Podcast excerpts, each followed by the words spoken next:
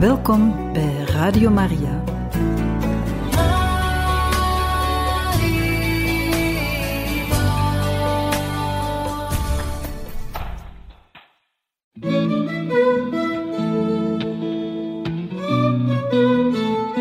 De kerk spreekt.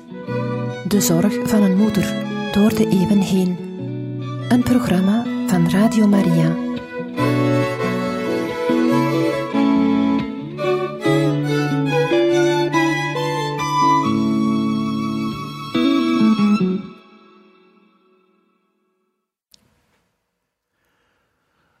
Van harte welkom, beste luisteraars van Radio Maria, bij deze uitzending van De Kerk Spreekt. We lezen u verder voor uit de encycliek Veritatis Splendor over kerkelijke moraalleer, geschreven door de heilige paus Johannes Paulus II op 6 augustus 1993. Ondertussen waren we aangekomen bij de laatste paragraaf van het eerste artikel onder hoofdstuk 2. En dat luidt: Aanvankelijk was dat niet zo. Een verwijzing naar het Evangelie volgens de heilige Matthäus, hoofdstuk 19, vers 8.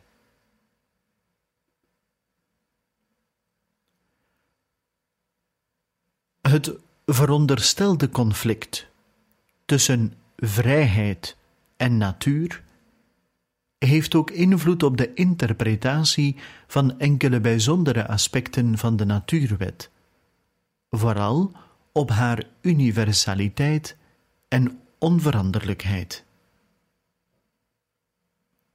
Waar zijn dan wel deze regels opgeschreven?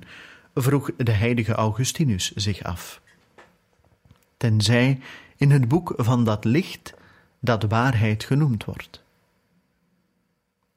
Vandaar wordt dus iedere juiste wet gedicteerd en gaat zij over in het hart van de mens, die de gerechtigheid bewerkt, waarbij ze hem niet meer verlaat, maar zich bij hem indrukt zoals de voorstelling van een ring zich indrukt in de was, zonder evenwel de ring te verlaten.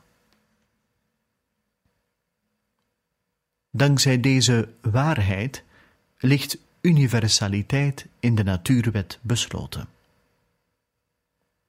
Daar zij staat geschreven in de verstandsnatuur van de menselijke persoon, is zij aan ieder met verstand begiftigd en in de geschiedenis levend schepsel opgelegd.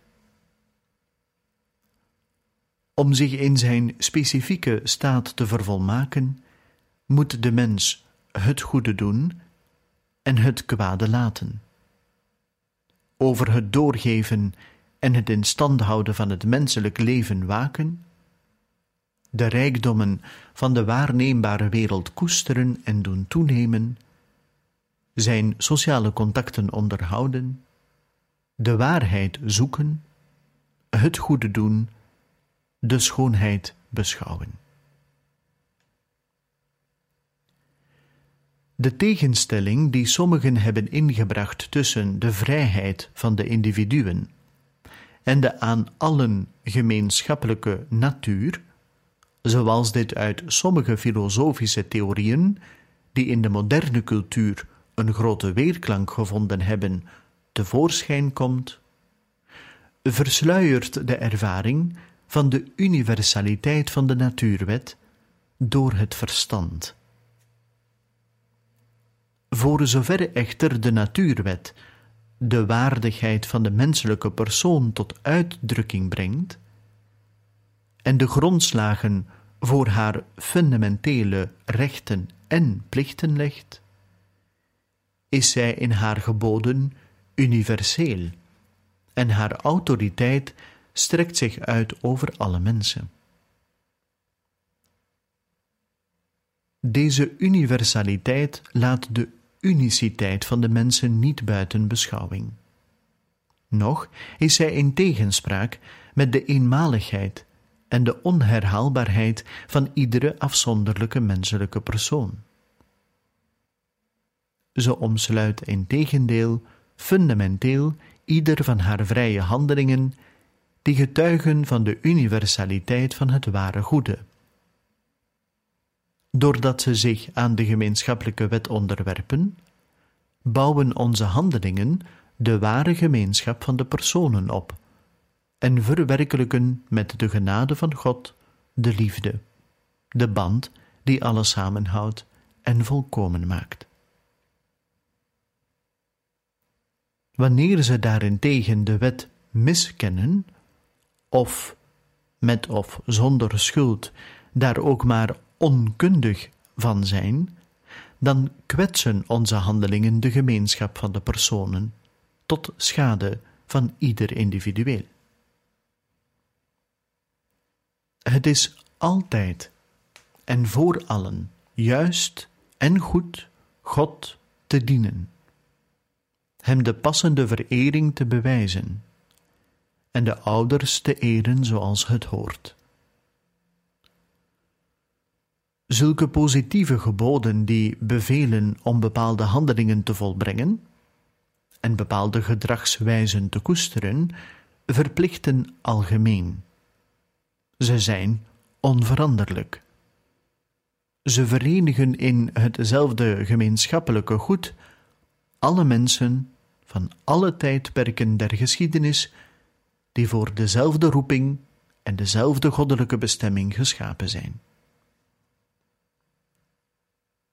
Deze universele en blijvende wetten beantwoorden aan inzichten van het praktische verstand en worden door het oordeel van het geweten toegepast op de afzonderlijke handelingen. Het handelende subject neemt persoonlijk de in de wet besloten waarheid in bezit.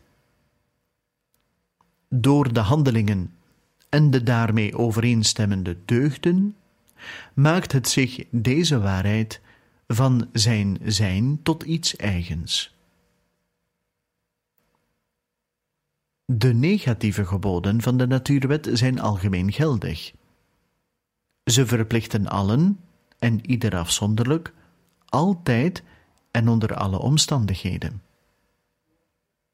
Het gaat inderdaad om verboden, die een handeling semper et pro semper verbieden, zonder enige uitzondering, omdat de keuze van een dergelijke gedragswijze in geen geval met de goedheid van de wil der handelende persoon, met haar roeping tot leven met God en tot gemeenschap met de naaste verenigbaar is.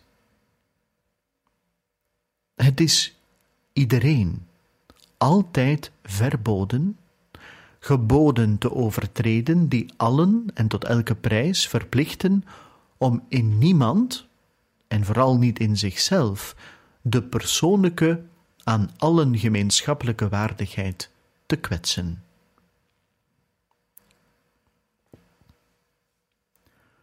ook wanneer enkel de negatieve geboden altijd en onder alle omstandigheden verplichten, betekent dat anderzijds niet dat in het zedelijk leven de verboden belangrijker zouden zijn dan het streven om het door de positieve geboden aangewezen goede te doen. De reden is veeleer de volgende. Het gebod van de gods en van de naastenliefde heeft in zijn dynamiek geen bovengrens, wel echter een ondergrens. Gaat men daaronder, dan schendt men het gebod. Bovendien hangt dat wat men in een bepaalde situatie moet doen af van de omstandigheden, die niet alle van tevoren al voorzien kunnen worden. Omgekeerd echter zijn er gedragswijzen die nooit, in geen enkele situatie, een passende, dat wil zeggen, met de waardigheid van de mens overeenkomende oplossing kunnen zijn. Ten slotte is het altijd mogelijk dat de mens onder dwang of andere omstandigheden verhinderd wordt om bepaalde goede handelingen ten uitvoer te brengen. Nooit echter kan hem belet worden bepaalde handelingen na te laten, vooral wanneer hij bereid is liever te sterven dan het kwade te doen. De kerk heeft altijd geleerd dat gedragswijzen die verboden worden door de in het Oude en het Nieuwe Testament in negatieve vorm geformuleerde negatieve geboden nooit gekozen mogen worden. Zoals we gezien hebben, bevestigt Jezus zelf de onvermijdelijkheid van deze verboden in het Evangelie volgens de heilige Matthäus. Daar horen we: Als je het eeuwige leven wilt bereiken, onderhoud dan de geboden. Je zult niet doden, je zult niet echt breken, je zult niet stelen, je zult niet vals getuigen.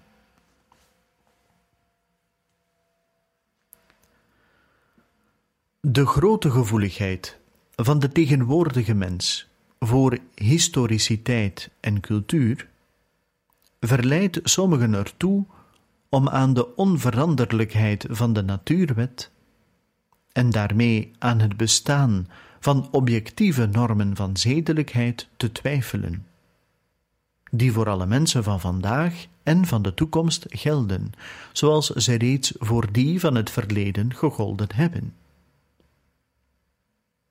Is het eigenlijk wel mogelijk van bepaalde verstandige bepalingen, die ooit in het verleden, zonder kennis van de latere vooruitgang van de mensheid, vastgelegd werden, te beweren dat ze voor allen een universele en altijd durende geldigheid hebben.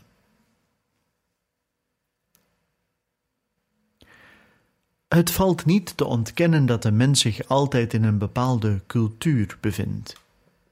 Maar evenmin kan men bestrijden dat de mens zich in de cultuur van het moment ook niet helemaal geeft. Overigens bewijst de ontwikkeling van de cultuur zelf dat er in de mens iets is dat alle culturen overstijgt. Dit iets is nu juist de natuur van de mens. Zij precies is de maat van de cultuur en de voorwaarde dat de mens niet wordt tot de gevangene van een van zijn culturen, maar dat hij zijn waardigheid als persoon verdedigt door in overeenstemming met de diepe waarheid van zijn wezen te leven. Wie de bijzonder en blijvende elementen van de mens, die ook met zijn lichamelijke dimensie samenhangen, in twijfel zou trekken, zou niet enkel in conflict blijken met de algemene ervaring, maar zou ook de verwijzing naar het begin onbegrijpelijk laten worden, die Jezus juist daar maakte waar de sociale en culturele tijdsomstandigheden de oorspronkelijke zin en de rol van enkele zedelijke normen misvormd had. In deze zin beleidt de kerk dat aan alle veranderingen veel onveranderlijks ten grondslag ligt, wat zijn laatste grond in Christus heeft die dezelfde is gisteren, vandaag en in eeuwigheid. Hij is het begin, die, nadat hij de menselijke natuur heeft aangenomen, haar in haar basiselementen en in haar dynamisme van Gods en naastenliefde voorgoed verlicht.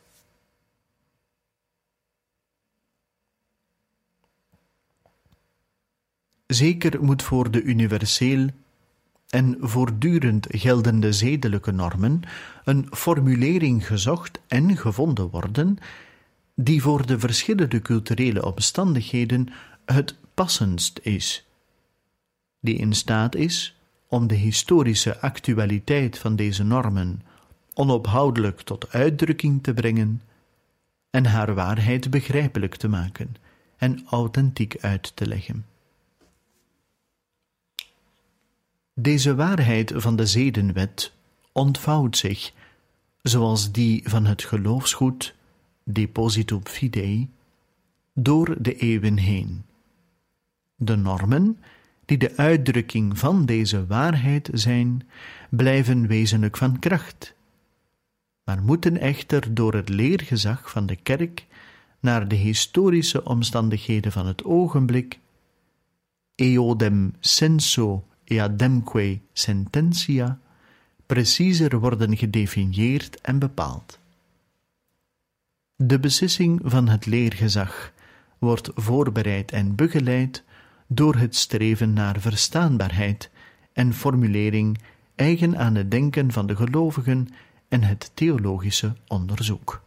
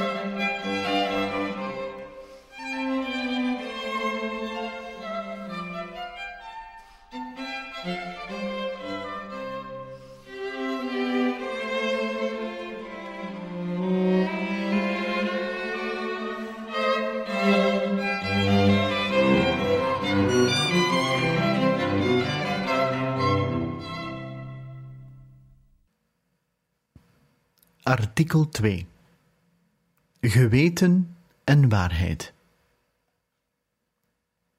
Paragraaf 1 Het heiligdom van de mens.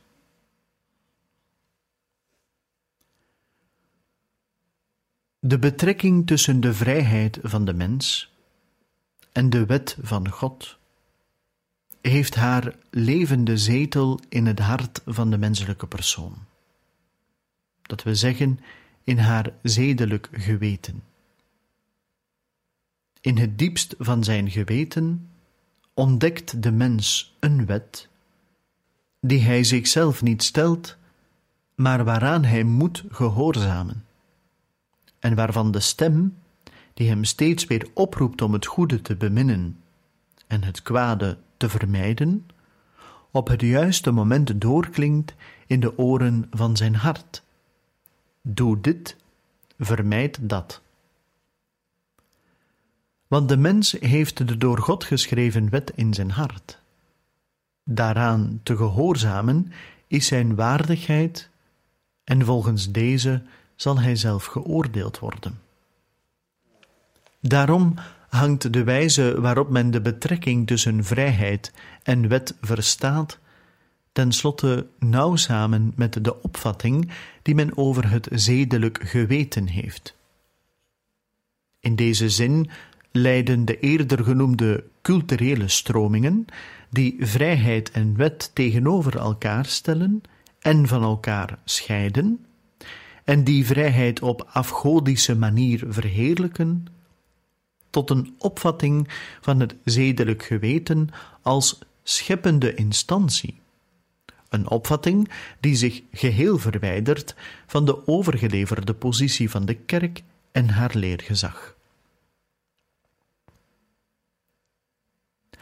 Naar de mening van verschillende theologen heeft men, tenminste in zekere perioden in het verleden, de functie van het geweten enkel tot de toepassing van zedelijke normen op bepaalde gevallen van het persoonlijk leven beperkt gezien.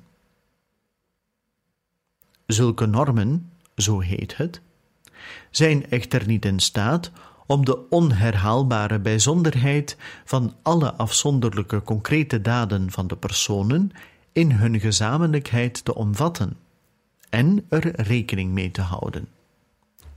Ze zouden op bepaalde manier bij een juiste inschatting van de situatie behulpzaam kunnen zijn, maar niet in de plaats van de personen kunnen treden en hun taak overnemen om een persoonlijke beslissing over hun gedrag in bepaalde afzonderlijke gevallen te nemen. Ja, de voornoemde kritiek op de traditionele interpretatie van de menselijke natuur en haar betekenis voor het zedelijk leven, verleidt sommige auteurs tot de bewering dat deze normen niet zozeer een bindend objectief criterium zijn voor de oordelen van het geweten, als wel een algemene oriëntering die in de eerste plaats de mens helpt om aan zijn persoonlijke en sociale leven een geregelde orde te geven. Daarenboven onthullen ze de complexiteit die het verschijnsel van het geweten eigen is. Deze hangt ten diepste samen met het totale psychologische en affectieve terrein en met de veelvoudige invloeden van de maatschappelijke en culturele omgeving van de mens. Anderzijds wordt de waarde van het geweten hoog geprezen dat door het concilie als heiligdom in de mens, waar hij alleen is met God, wiens stem in zijn binnenste te horen is, gedefinieerd werd. Dit vinden we terug in de constitutie Gaudium et Spes. Deze stem, zo wordt gezegd, geeft de mens niet zozeer aanleiding tot pijnlijk nauwkeurige beschouwing van de universele normen, als wel tot een creatief en verantwoordelijk op zich nemen van de persoonlijke opgaven die God hem toevertrouwt. Met de bedoeling om het zogeheten creatieve karakter van het geweten naar voren te brengen, noemen sommige auteurs het werken van het geweten niet meer oordelen, maar beslissen. Alleen door dit beslissen autonoom te doen, beslissingen autonoom te nemen, zou de mens tot zijn zedelijke rijpheid kunnen komen. Enkelen huldigen ook de opvatting dat dit rijpingsproces gehinderd zou worden door de al te categorische positie die het leergezag inneemt in veel morele vraagstukken. Zijn ingrepen zouden bij de gelovigen het ontstaan van onnodige gewetensconflicten veroorzaken.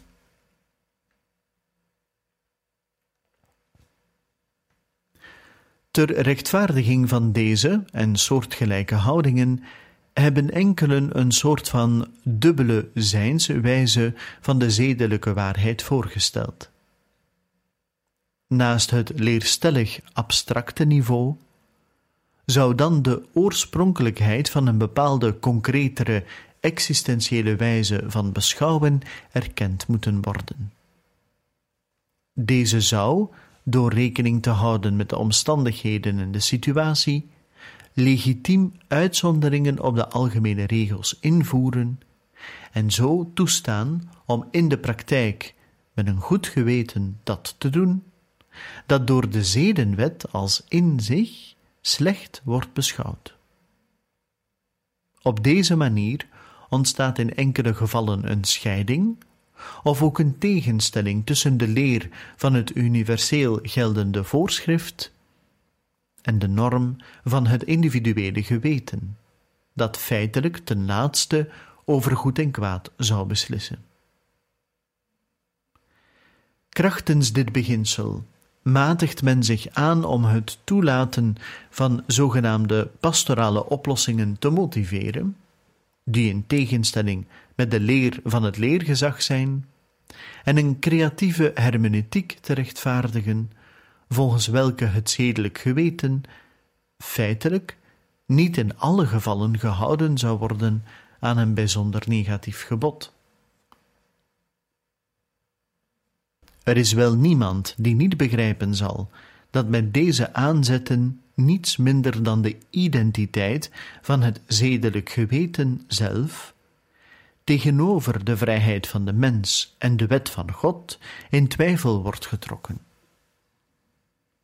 Pas de voorafgaande verheldering van de op de waarheid steunende relatie tussen vrijheid en wet maakt een beoordeling van deze creatieve interpretatie van het geweten mogelijk.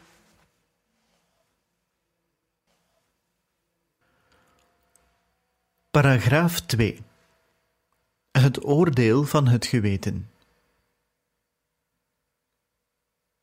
Dezelfde tekst uit de Romeinenbrief, die ons het wezen van de natuurwet begrijpelijk maakt, wijst ook op de bijbelse zin van het geweten, bijzonder in zijn specifieke verbinding met de wet. Wanneer de heidenen, die de wet niet hebben, uit zichzelf doen wat de wet verlangt, zijn zij zichzelf tot wet, al bezitten zij de wet dan niet. Door hun daden tonen zij dat de wet in hun hart geschreven staat, waarbij komt het getuigenis van hun geweten, terwijl hun gedachten hen over en weer beschuldigen of ook wel vrijspreken.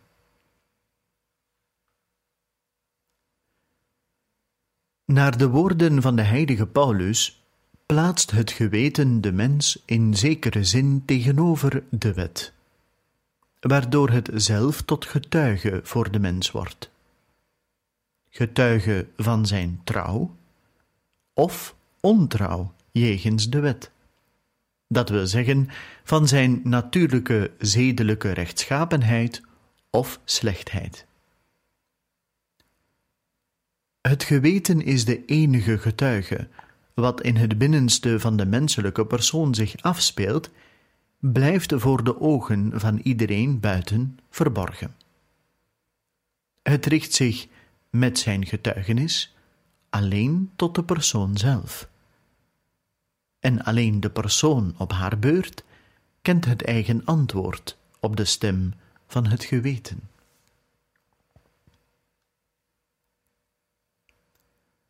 De betekenis van de innerlijke dialoog van de mens met zichzelf zal men nooit ten volle kunnen waarderen. In werkelijkheid is het echter de dialoog van de mens met God, de auteur van de wet, het eerste voorbeeld en het laatste doel van de mens. Het geweten, zo schrijft de heilige Bonaventura, is als het ware de verkondiger van God en de bode. En wat het zegt, beveelt het niet uit zichzelf, maar als boodschap die van God komt, zoals een heraut wanneer hij het decreet van de koning afkondigt. En daar komt de bindende kracht van het geweten vandaan. Men kan dus zeggen dat het geweten tegen de mens zelf getuigt van de rechtschapenheid, respectievelijk de slechtheid van de mens, maar tegelijk, ja nog eerder, is het getuigenis van God zelf, wiens stem en wiens oordeel het innerlijk van de mens tot aan de wortels van zijn ziel doordringen, wanneer ze hem fortiter et suaviter tot gehoorzaamheid oproepen. Het zedelijk geweten sluit de mens niet op in een onontkoombare en ondoordringbare eenzaamheid, maar maakt hem open voor de roep, voor de stem van God. Daarin en nergens anders in ligt het hele geheim en de hele waardigheid van het zedelijk geweten. Dat het namelijk de plaats is, de heilige ruimte, waarin God tot de mens spreekt.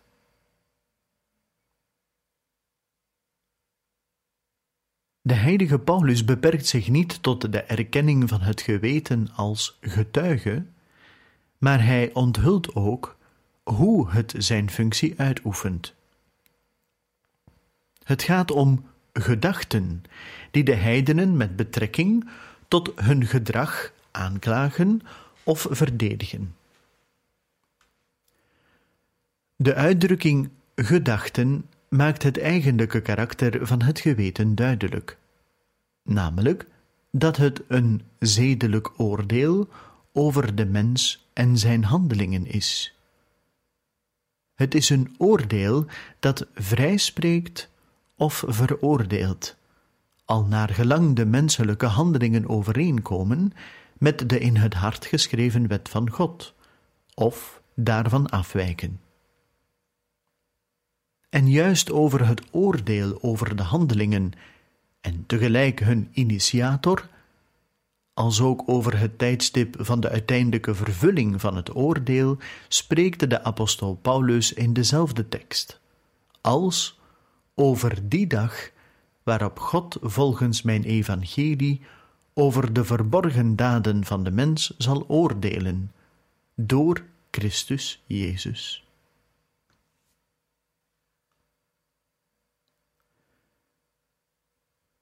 Het oordeel van het geweten is een praktisch oordeel. Dat we zeggen, een oordeel dat meedeelt, wat de mens moet doen of laten of dat een door hem reeds uitgevoerde daad beoordeelt. Het is een oordeel dat de verstandige overtuiging dat men het goede moet liefhebben en het kwade vermijden op een concrete situatie toepast.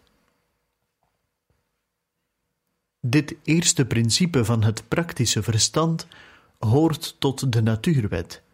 Ja, het geeft haar eigenlijke grondslag weer, voor zover het dat oorspronkelijke licht ter onderscheiding van goed en kwaad tot uitdrukking brengt, dat als weerschijn van de scheppende wijsheid Gods als een onvernietigbare vonk of scintilla anime in het hart van iedere mens straalt.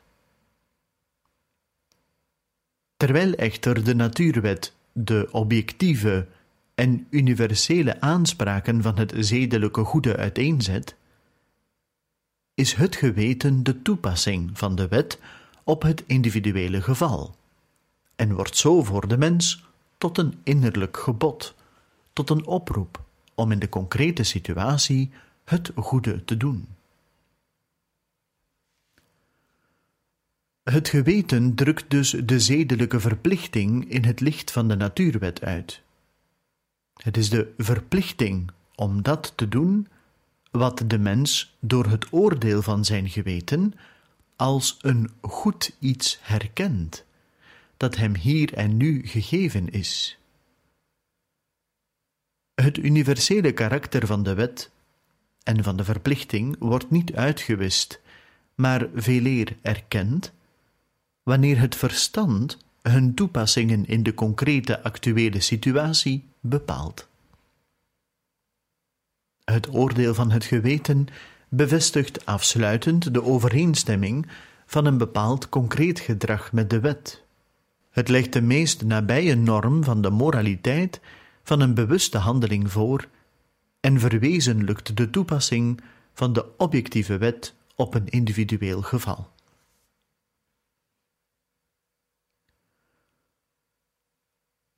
Zoals de natuurwet zelf en iedere praktische kennis, heeft ook het oordeel van het geweten een bevelend karakter. De mens moet in overeenstemming daarmee handelen. Wanneer de mens tegen dit oordeel handelt, of ook wanneer hij bij ontbrekende zekerheid over de juistheid en de goedheid van een bepaalde daad deze alsnog uitvoert, wordt hij door het eigen geweten, dat de laatste maatgevende norm van de persoonlijke zedelijkheid is, veroordeeld. De waardigheid van deze intellectuele instantie en de autoriteit van haar stem en van haar oordeel komen voort uit de waarheid over zedelijk goed en kwaad. Ze is ertoe geroepen om die te horen en uit te drukken. Op deze waarheid wordt door de goddelijke wet, de universele en objectieve norm van de zedelijkheid, gewezen. Het oordeel van het geweten maakt de wet niet, maar het bevestigt de autoriteit van de natuurwet en van de praktische verhouding tot het hoogste goed waarvan de menselijke persoon de aantrekkingskracht ervaart en waarvan zij de geboden aanneemt. Het geweten is geen autonome en exclusieve instantie om te beslissen wat goed en wat slecht is. Veeleer is daarin een principe van gehoorzaamheid jegens de objectieve norm diep gegrift die de overeenstemming van zijn beslissingen met de geboden en verboden staaft en vereist, die aan het menselijk gedrag ten grondslag liggen. De in de wet van het verstand uitgesproken waarheid over het zedelijke goede wordt door het oordeel van het geweten praktisch en concreet erkend, wat leidt tot het aanvaarden van de verantwoordelijkheid voor het volbrachte goed en het bedreven kwaad. Wanneer de mens kwaad doet, blijft het juiste gewetensoordeel in hem getuige van de universele waarheid van het goede, zoals ook van de slechtheid van zijn ene beslissing. Maar het oordeel van het geweten blijft in hem ook zoiets als een onderpand van de hoop en van het erbarmen. Terwijl het het begane kwaad bevestigt, maant het ook om vergeving te vragen, het goede te doen en onophoudelijk met Gods genade de deugd te beoefenen. Zo openbaart zich in het praktische oordeel van het geweten dat aan de mens de verplichting oplegt om een bepaalde handeling uit te voeren, de band tussen vrijheid en waarheid. Daarom drukt het geweten zich uit in oordeelsdaden, die de waarheid over het goede weerspiegelen en niet in willekeurige beslissingen. En de rijpheid en verantwoordelijkheid van deze oordelen, en in laatste instantie van de mens, die hun subject is, laat zich niet afmeten aan de bevrijding van het geweten van de objectieve waarheid, ten gunste van een veronderstelde autonomie van de eigen beslissingen. Maar in tegendeel, aan het hardnekkige zoeken naar de waarheid en aan de bereidheid om zich bij zijn handelen door haar te laten leiden.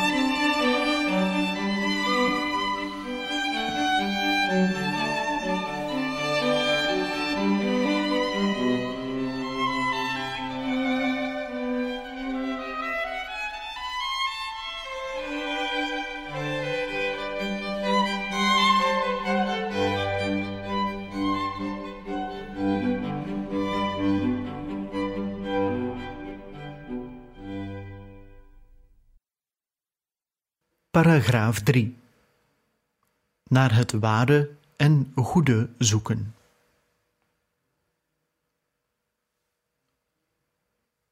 Het geweten als oordeel over een handeling is niet vrij van de mogelijkheid tot dwaling.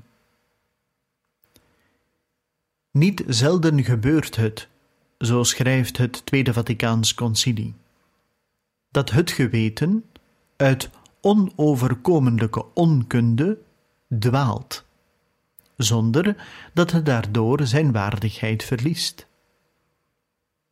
Dat kan men echter niet zeggen wanneer de mens te weinig moeite doet om naar het ware en goede te zoeken, en het geweten, door gewenning aan zonde, stilaan bijna blind wordt. Dit vinden we terug in de pastorale constitutie Gaudium et Spes.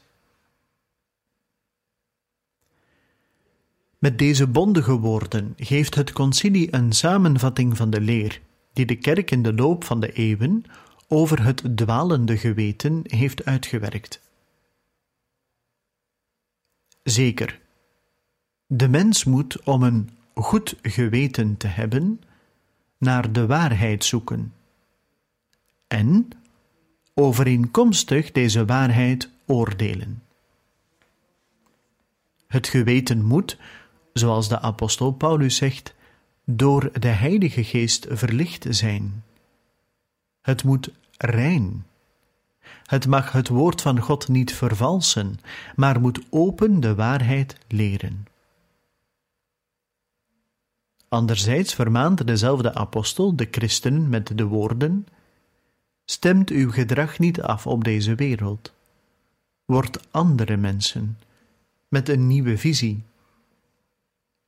Dan zijt ge in staat om uit te maken wat God wil, wat Hem bevalt, wat goed is en volmaakt.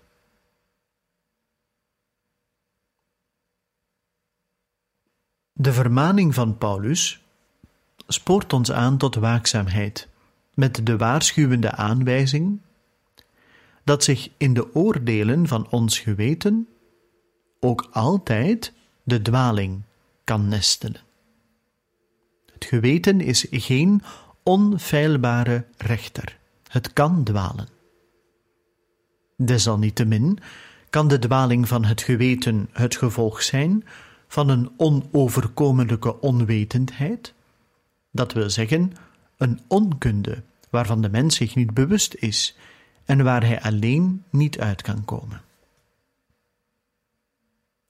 In het geval dat deze onoverkomelijke onwetendheid niet opzettelijk is, verliest het geweten, zo herinnert ons het concilie, zijn waardigheid niet, omdat het, ook al instrueert het ons metterdaad op een van de objectieve zedelijke orde afwijkende manier,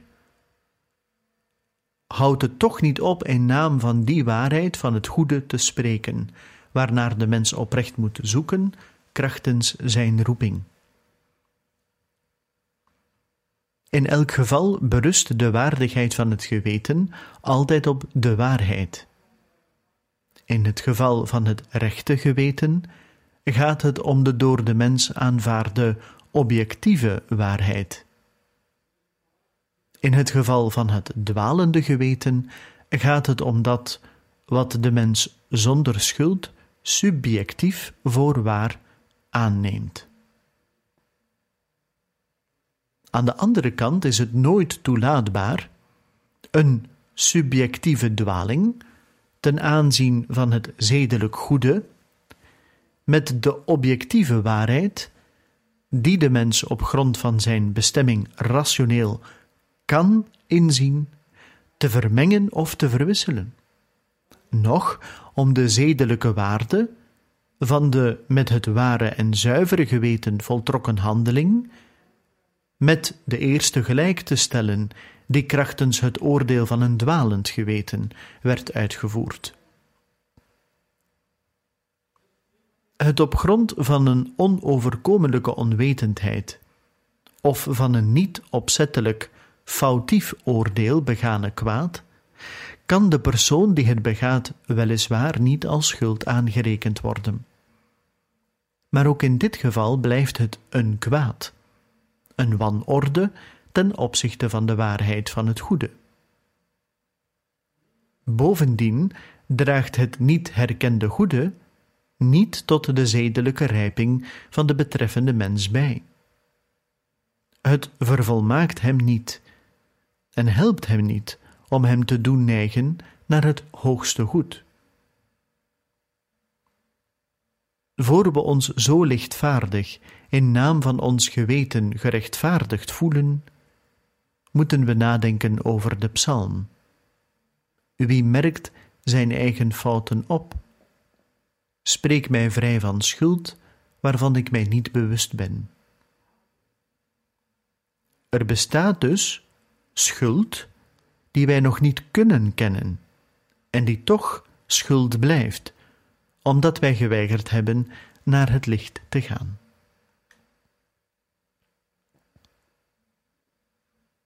Het geweten als laatste concrete oordeel zet zijn waardigheid op het spel wanneer het opzettelijk dwaalt. Dat wil zeggen, als de mens er geen moeite voor doet om het ware en goede te zoeken, en als het geweten ten gevolge van gewenning aan de zonde blind wordt. Op de gevaren van de vervorming van het geweten doelt Jezus wanneer hij vermaant in het Evangelie volgens de heilige Matthäus, hoofdstuk 6, versen 22 en 23. Het oog geeft het lichaam licht. als het oog gezond is, dan zal je lichaam helder zijn. Maar wanneer je oog ziek is, dan zal je hele lichaam duister zijn. Wanneer nu het licht in jou duisternis is, hoe groot moet dan de duisternis zijn? In deze woorden van Jezus vinden we ook de oproep om het geweten te vormen, het tot voorwerp van voortdurende bekering tot het ware en goede te maken. Daarmee analoog moet men de oproep van de apostel verstaan, om ons gedrag niet af te stemmen op deze wereld, maar om ons te veranderen en ons denken te vernieuwen. In werkelijkheid is het tot de Heer en tot de liefde bekeerde hart de bron van de ware oordelen van het geweten. Want, zo schrijft de apostel in zijn brief aan de Romeinen, opdat ge in staat zijt om uit te maken wat God van u wil en wat goed is, wat hem bevalt, wat goed en volmaakt is. Het is weliswaar de kennis van de wet Gods in het algemeen nodig, maar ze volstaat niet. Een soort van connaturaliteit tussen de mens en het waarlijk goede is absoluut noodzakelijk. Zo'n connaturaliteit schiet wortel en ontplooit zich in de deugdzame houdingen van de mens zelf. In de wijsheid en de andere kardinale deugden, en nog fundamenteler in de goddelijke deugden van het geloof, de hoop en de liefde. In deze zin heeft Jezus gezegd: Wie echter de waarheid doet, komt tot het licht.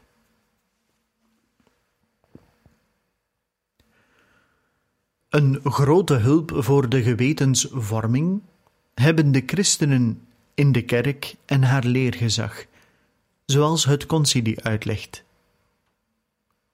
De christenen moeten bij de vorming van hun geweten de heilige en zekere leer van de kerk nauwlettend in acht nemen.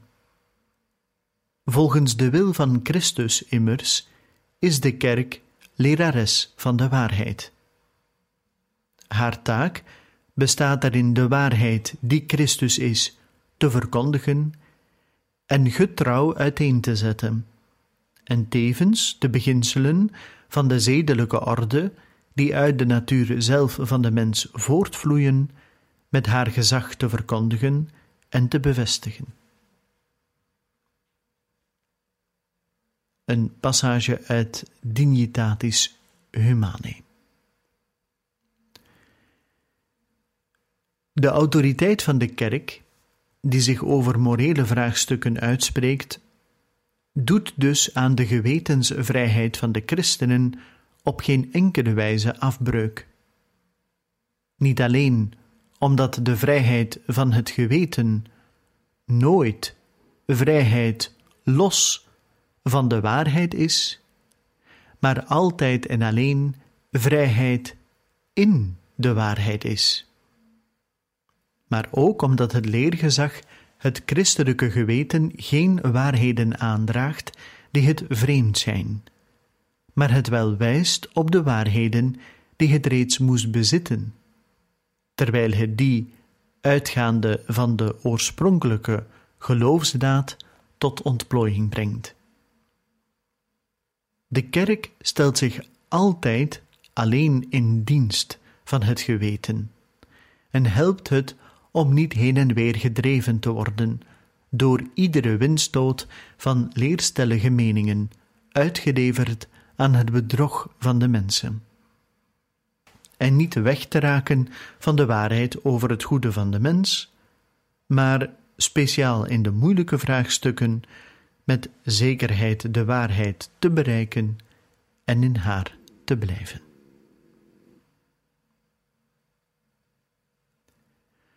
Zo zijn we aan het einde gekomen van deze aflevering van De Kerk Spreekt, waar we u verder voorlazen uit de pauselijke encycliek Veritatis Splendor over kerkelijke moraalleer, geschreven door de heilige paus Johannes Paulus II, gepubliceerd op 6 augustus 1993. Daarmee besluiten we ook het tweede artikel onder het tweede hoofdstuk. Volgende keer gaan wij verder met artikel 3. Fundamentele beslissingen en concrete gedragswijzen. Van harte dank voor het luisteren en graag tot een volgende keer.